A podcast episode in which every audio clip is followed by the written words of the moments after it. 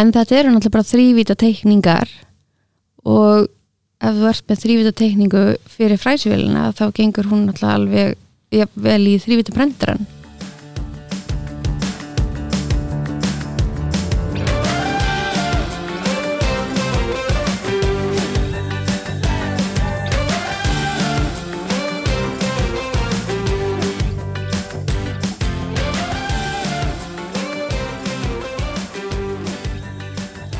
Komið sæl og verið velkomin í hlaðvarp þátt íðunar fræðslu setturs augnablík íðinaði. Ég heiti Óskar Gretarsson og í dag ætlum við að ræða um þrývítaprentara og möguleika sem þeir bjóða.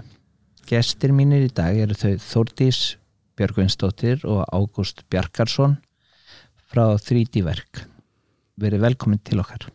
Takk fyrir Takk fyrir. E, 3D verk, hvað er, hérna, hvað er það? Hvað eru þið búin að vera lengi og hvað, hérna, hvað eru þið að gera þar? Já, þetta er, þetta er svolítið skemmtileg saga. Uh, málið er að ég var í Landbúnaháskóla Íslands og, og var að vinna að sem sagt uh, BS-verkefninu mínu og, og mér dætt þessi fluga í huga þrývita brenda lokaverkefni en svo kom ég bara að lokuðum dyrum í öllum sjópum landsins það var ekki hægt að kaupa almennilega prentara, það var ekki hægt að kaupa almennilega efni og ég bara var bara, þetta voru stóru vandamál. Þannig að ég sem sagt byrjaði því að kaupa mér prentara frá Tjekklandi og, og hérna, öru síðan tveir og, og svo þetta var efnið á Íslandi ekki nógu gott heldur þannig ég þurfti að fara að flytja það einn sjálfur og þetta var bara orðin mjög stórt apparat að, gera þetta PSS-köpni um, síðan í raun og veru halda fyrirtækin úti að ég sé bara komið vestlun og því ég er að kaupa svo mikið af plasti. Og hérna og þá í raun og veru bara dætt mér þetta í hug að ég gæti bara verið með eitthvað lítið Pinko Pons bílskúrsfyrirtæki. Þar sem ég gæti bara verið að selja einu og einu spólu því að mér dætt ekki, hafði ekki hugaflug að, í það að við erum svona stór. Og þannig kynntist ég í raun og verið dísu eftir að þrítið var eitthvað starta að það ringdi mig kona sem kynnti sig mjög, mjög skemmtilega. Og við hittumst og, og byrjuðum svona vingast aðeins saman og, og á sama tíma var fyrirtæki að stakka svo rætt að bara ég réði enga við þetta, þetta var orðið bara reysast og skrimsli sko. og þá kemur hún inn. Já, það, þarna, ég ætlaði bara að vera með krútlegt uh, þarna hobbyherbyggi heima og þarna fór að rannsaka þrývitaprentun og hvað ég geti fengið góða prentara og svona. Og interneti bendi mér á Ender 3 sem er besta byrjandaprentaran og þá náttúrulega sá ég þríti verk á netinu og hafði samband við hann Ágúst eins og hann saði og fekk mig þrývitaprentara ég var ekki búin að eiga hann lengi þegar ég var algjörlega sjúk og, og fekk mér annan þrývitaprentara og svo var ég svona nefna við Gústa að ég væri nú búið með eitt ári rafverkun og ég geti nú alveg svona farið að fykta við að gera við þetta og eitthvað sluðis þannig þannig að þá fór hann eitthvað að hugsa og pæla og, og hendi nokkrum prenturum í okkur, mig og manni minn og, og já, svo fór boltin bara að rúla og allt í hennu var ég komið með 12 prentara heim til mín. Og hobbyherbyggi mitt er lungu horfið. Já, og, og núna er hérna er fjörskildan bara orðin 50% eigandi af fyrirtækinu? Þannig að ja. þetta var mjög, mjög skemmtilegt og, og þetta er svona eitt af, eitt af þessum highlightum í mínu lífi að hafa kynst í þessu. Þetta er, þetta er ótrúlega mannskja og ég held að Óskars að væri til fleiri, fleiri dísur þessum heimi. Takk fyrir það. En já, út úr þessu er kannski eðlegt að spyrja hvað gerður þau haugdælu eða hvað, hérna, hvað þrývita prenta eru sem loka Nei, þegar ég var að, sko, ég var að prenta hérna, ég, það vandamál í ræktun á skóaplöndum er að hérna, lífunin er ekki nógu góð og það er yfirlt út af því að rótavöxturinn kannski er ekki, er ekki nógu góður. Þannig ég vildi maximæsa hámarka rótavöxtin í staðan fyrir uppvöxtin við gleymum átt í að, að trí hafa rætur og, og það þarf að hugsa vel um er þannig að ég og veru hannaði svona ég kalli þetta loftbaka þannig að það eru göð, það eru 300 göð á hverju hólfi og þetta þarf þetta að vera ákveðið mörg CC 60, 80, 120 CC.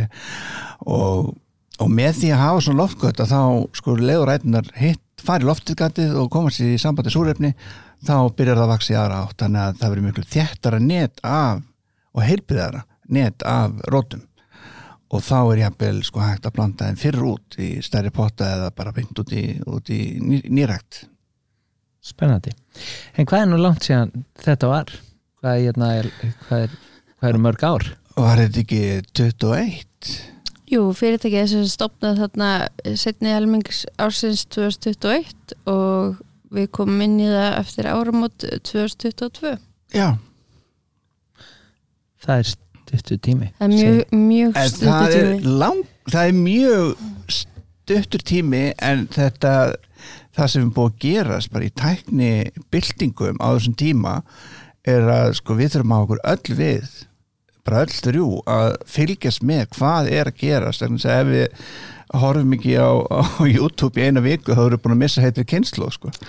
Það er búin að vera rosalögur hraði í þróun á þrývitaprentun og tæknin í kringum hana bara núna síðasta árið til dæmis og við erum að sjá uh, já, bara mikla breytingar framundan þannig að ég held að þetta, þessi þessi tækni er á sko, hún er á miklu flugi er sko talandi um það. Nú erum við að tala um því stopnið ykkar fyrirtæki 21. Í dag, hvað, hvað getum við séð fyrir okkur að það séu já, bara mörg fyrirtæki á Íslandi þar sem að þau nota 3D prentara sér til gags í, í sambandi við til dæmis viðgerðir og viðhald? Þau eru orðin ansi mörg. Já, þau hlaupa alveg á tugum. Jafnvel, jafnvel meira sko þá erum við að tala um ekkert endilega bara vélaverkstæði eða, eða, þetta eru eða bifriðavestæði þetta eru rennismiðir arkitektar já. arkitektastofur, hönniðir uh, myndlistamenn Mm, já, myndhöggvarar já. bara þetta er bara, já, þe- þetta er í raun og veru ef þú getur hugsað að, að þá getur þú líka við komið í þrývitabrendun Já, og það sem er alltaf kannski koma okkur óvart er hvað þrývitapröntunin, sko, við erum svo först í okkar bara, við erum áhugað einhver ákveðinu, en síðan kemur einhver og, og ringir og spyr, get ég þrývitaprönta þetta? Og við erum bara í, já, heyrðu, jú, það er bara hægt. Og þetta, þannig að það er alltaf það er alltaf skemmtileg símtal hverjum einasta degi. Og, og eins og þið sagðu áðan það, það, það breytist mjög hratt efnin sem er í bóði þau eru, þau eru ótaljandi er það ekki rétt skilið?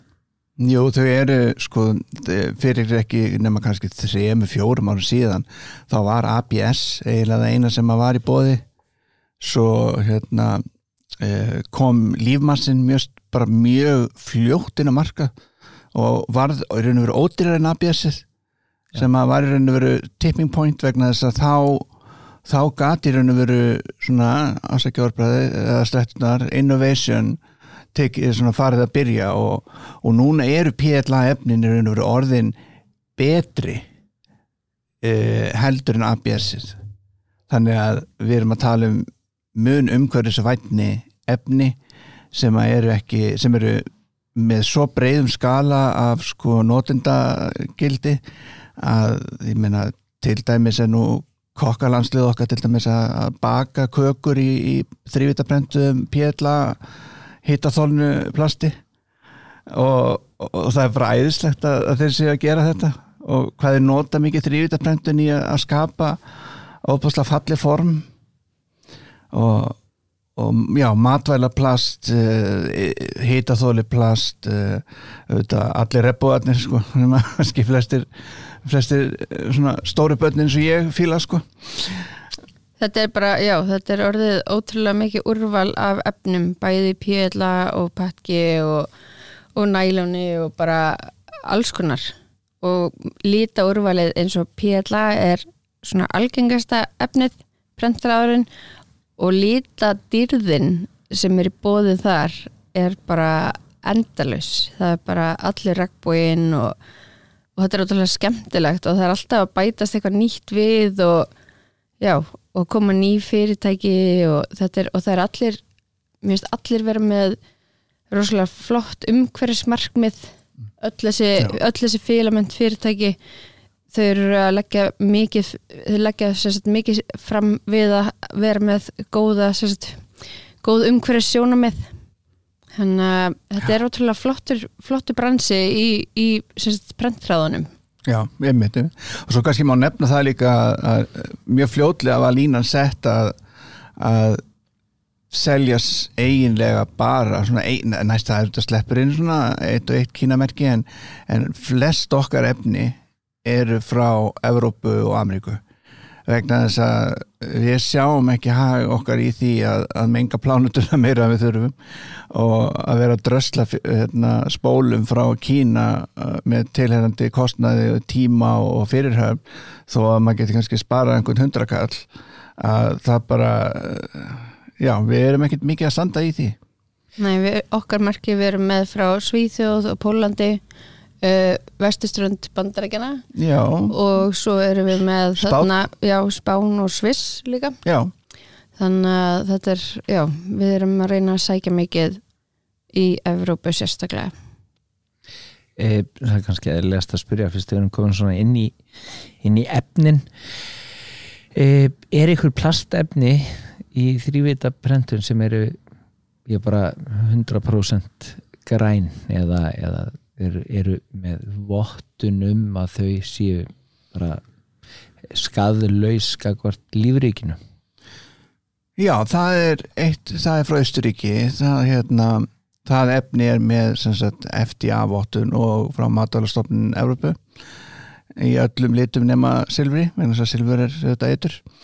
Og það er sagt vottað og samþygt í Evrópu og bandaríkjónum fyrir nótkunni í matvælum í matvælaðinaði og uh, er líka sem sagt food safe og dishwasher safe og allt svolítið Svo er Polyterra líka frá Polymaker. Já, þeir Já. sem sagt planta einu tré fyrir hverja rólu sem er sald já, og þeir eru með sem sagt, alveg full endurvinnilegar spólur og þeir eru sem sagt, það efni Polyterra er eiginlega eitt af fremsta í heiminum þegar kemur að endurvinnslu og svoleiðis Já, en nú höfum við talað um svona þessa prentara sem að já, flestir sjá fyrir sér þegar við tölum um 3D prentun en, en þessi þróun er að, að, að eblast og, og það gerist, gerast stóri hlutir og það gerast hratt og á Íslandi eru konni nokkrir aðilar skilst mér með prentara í, sem prenta stál og, og, hérna, og þið eru með þið hafið reynslað þeim, ekki rétt? Hér. Jú um, við erum svo heppin að, vera í samstarfi með N. Hansen fyrir Nornan á Akureyri og þeir ákveða að, riða á vaðið og taka inn nýja, nýja prentara frá Restriti sem heitir Fordseit og eru núna bara að býða eftir því að gámurum komi með fullu kerfi og þá eru þeir sem sagt farnir að, að þeir eru prenta úr uh, stainless steel. Verði ekki, ekki 316 L mann nú ekki alveg númerinn á þessu. En hérna og þeir sem sagt uh, já, og, svo, og mér skilst að stefna sér svo að vera í raun og veru uh, hluti af uh, reistri de, desintering og, og debinding services á, á sem sagt þá fyrir Ísland en það er alveg pláss fyrir fleiri opna á Íslandi Já, þeir, þeir svona ferli þegar þú ert e, að, að smíða með já, ég reyni að prenta stálöksul mm. e, það er ferli er ekkert búið þegar þú ert búin að já, hvernig virkar þetta? Þú setur nú ekki stál á, á spólu og svo bara byrjar að að ég hérna segðu okkur Já, já, það, auðvitað, jú, jú, þetta byrjar á spólu þetta er sem sagt Ok. um, það eru, eru marga tækni við að prenta Já. og þessi ákveðna tækni sem að Fords uh, einn uh, býður upp á er hérna verið að þetta er þrývita prenta bara eins og venlu þrývita prenta hlutur alveg niður í 0,05 uh, millimetra laghæð sem því þá fyrir hvern millimetr eru 20, 20 lög. Og síðan þegar að hluturinn er tilbúin þá til dæmis væri hægt að eftirvinnan, pússan eða, eða gera hvað sem við hann bori hann, jafnvel, rentan sko, eða, eða það kemur til. E, síðan fer hann í svo kallar hérna, debinding vel, það sem að e, í raun og veru allt sem er ekki steinlega stíl er tekið í burtu og þegar það því, því er lokið þá fer hann inn í opn sem að hittnar upp í 1200 gráður og, og hérna og eftir að það er búið þá ertu bara komið með steinlega stíl hlut og, og hvað er hérna, hver er nákvæmnin? Getur maður, getur maður smíðað með þessum hætti vélaparta sem að áður hefði verið mikið mála að gera? Já og nákvæmnin er í raun og veru alveg óðpostlega, óðpostlega ég man ekki nákvæmlega töluna en, en þetta er alveg einhver, einhverju mikromillimetra sko. Og, og hérna þegar þú ert sagt, að undirbúa þetta fyrir prentverð þá ert að, sagt, að skala þetta upp samkvæmt framleiðandunum. Þeir til að gera það eða BASF sem framleiðir þessa stálþræði og þeir segja sko að maður þurfa að hafa þá til dæmis sérst, að íkja um, um kannski 5% í hæð og, og 10% í breyti eitthvað svolítið sko því að það er þetta svo kallega shrink ratio mm -hmm. Já, það verður sem sagt, það verður breyting við það að, að baka þetta Já, það verður breyting við það að fjarlæga í raun og veru bindiefni sem er í, sem bindur stáli saman með og verður að prenta það mm. Ef 316 stál sem að þú annars uh, segjum bara uh, vinnir með gömlum aðferðum hérna, er þetta sami styrkur? Er þetta að tala um að þetta sé bara það sama? Ég, samkvæmt framleiðandunum og samkvæmt BASF mm. eða BAFSF mm. þá hérna er þetta 97% styrkur miða við að hann hefði verið skorin út í um, í hérna, tölustýri vel og en auðvitað þá þá maður kannski að líka taka inn í umhverju sjónamiðin þú ert að henda þarna kannski einhverjum kílóum, jafnvel 100 kíló af, af efni á meðan í þrývitapröntunum þá ertu ekki, ekki hendan inn, þú ert að nýta allt efni ja. og þar leðandi kostnæðurinn komin hrunin yður gjörsamlega. En það er kannski eðlegt að spyrja sig sko, þegar þú ert með þurft með hérna, þennan stálþráð er, er, er hann sjálfur mjög dýr? Er efnið í, í svona hlut mjög dýrt? Sko, mér hef ekki engi í dag þetta við búum á Íslandi og þurfum að liða með okkar ágæta ágæta gældmiðil, en síðast ég reiknaði þetta út að þá, þá er þetta eitthvað um 80.000 katt fyrir 30 kilo á spólu mm -hmm. og í rauninni þú færð þrjú kíló af akkurat því sem þú ert að smíða. Nákvæmlega, þú ert ekki að kaupa kannski 100 kíló klubb og, og, og, hérna, og taka 97% af hann með hendunum í sorpu.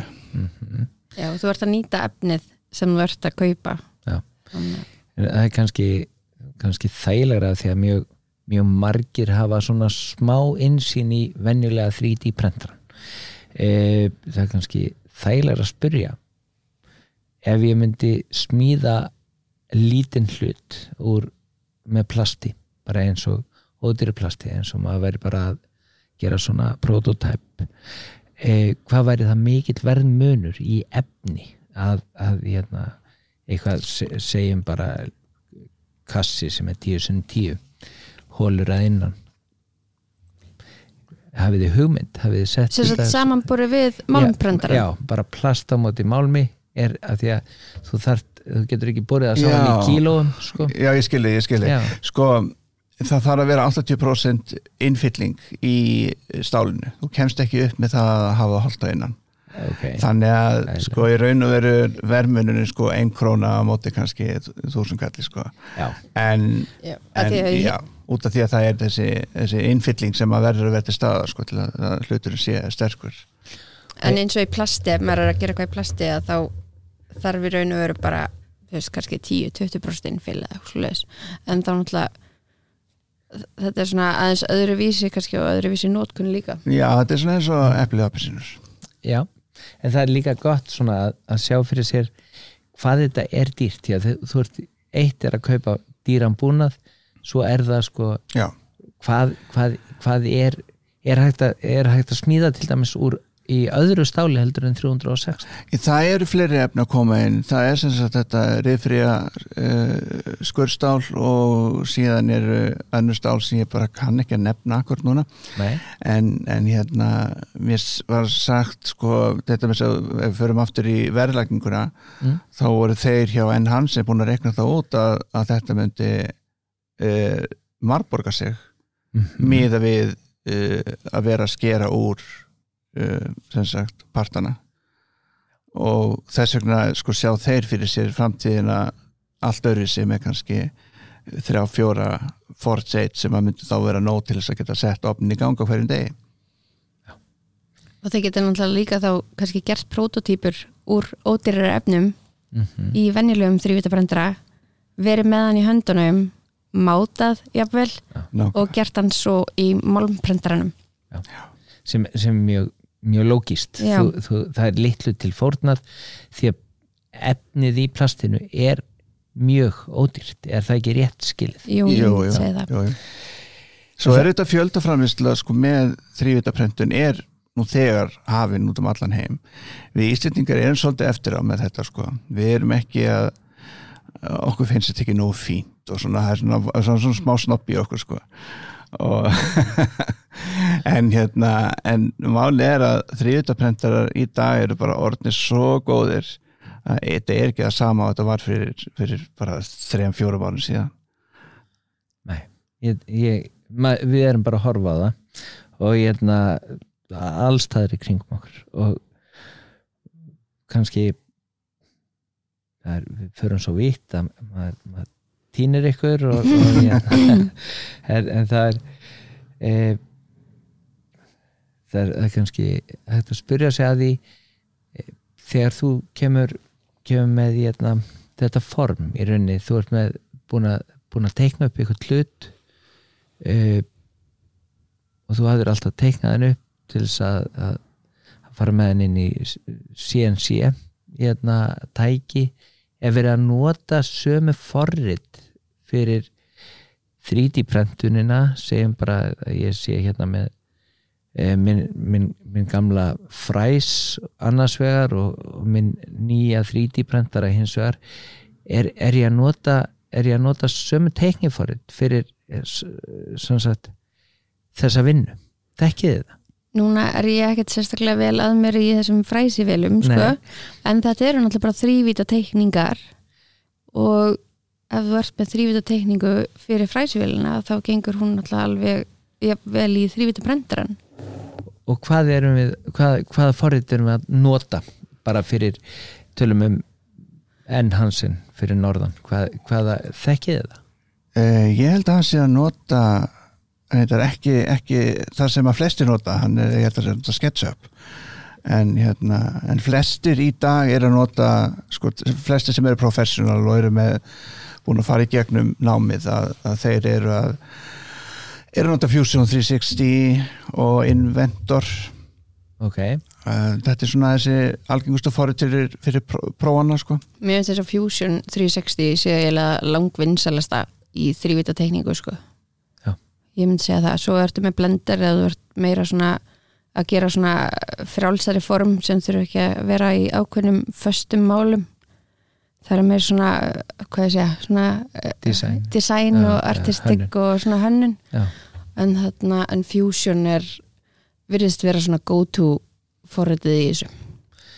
E, Fusion er nú bara spyr maður fyrir leikmannin e, er, það, er það eh, er það dýrt forrit eða er, er það hérna, frýtt á netinu? Þekkið þekkið þið Þú getur, þú getur nálgast það ókipis á netinu já, og þá hefur leifi fyrir tíu skrár þannig að Ok. þú getur hannað tíu mótel ókipis ef þú ferð fram fyrir það að þá þarftu að kaupa þér áskriftaði svo er Blender er ókipis Já. og Tinkercad er ókipis líka.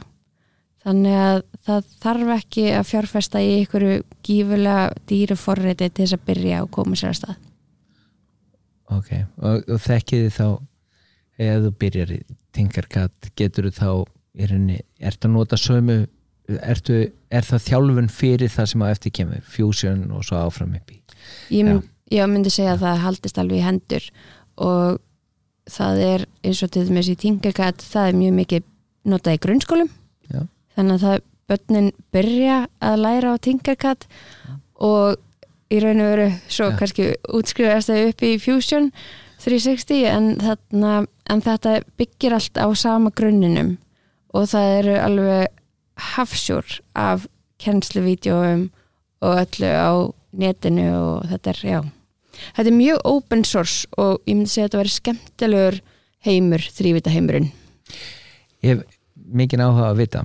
Hérna, eru skólanir fannir að, að nota þetta í kennslu svona e, almennt? Ég hef grunum að, að það sé eitthvað í gangi og hérna e, segið mér, grunnskólar? Grunnskólar, já, mjög margir grunnskólar eru komnir með þrývita prentara og nokkrir eru komnir með nokkra prentara og þeir eru sagt, uh, stundum er þetta valáfangar stundum er þetta einhvern veginn kannski eitt kennari sem að tekur þetta að sér eins og smíðakennarin eða eitthvað svoleiðis.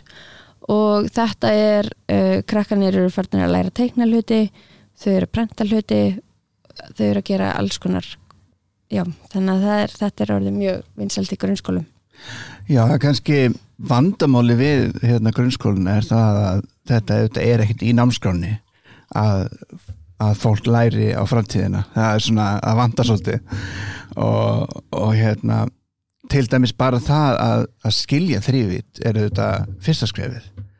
Það er mikið það er, alveg, það er til dæmis eh, til fullori fólk sem bara skilur ekki þrývit og það er kannski ástæðan fyrir því er að það hefur ekki verið að vinna með þetta. Og þá er bara erfitt með að teilinga sér að teikna eitthvað í þrývit þess vegna er mjög mikilvægt að, að stjórnur takir sér kannski svolítið á og, og reynir svolítið að, að opna fyrir nýsköpunar kennslu eða hvað sem við vilja kalla inn í grunnskólunum þannig að, að þeir sem að koma á vinnumarkaðin eftir 20-30 ár að þetta sé fólk sem að hafi nútíma þekkingu og, og hérna, já geti tekist á störf framtíðarinnar. E, ætlaði að sé ekki rétt á þessum tjónpunkti að, að hætta þessu spjalli og þakka fyrir, við getum eflaust tala lengi viðbót og hérna búið að vera bæði áhugavert og notaleg stund þakka vel fyrir bara spjallið. Takk fyrir okkur. Takk sem les, takk fyrir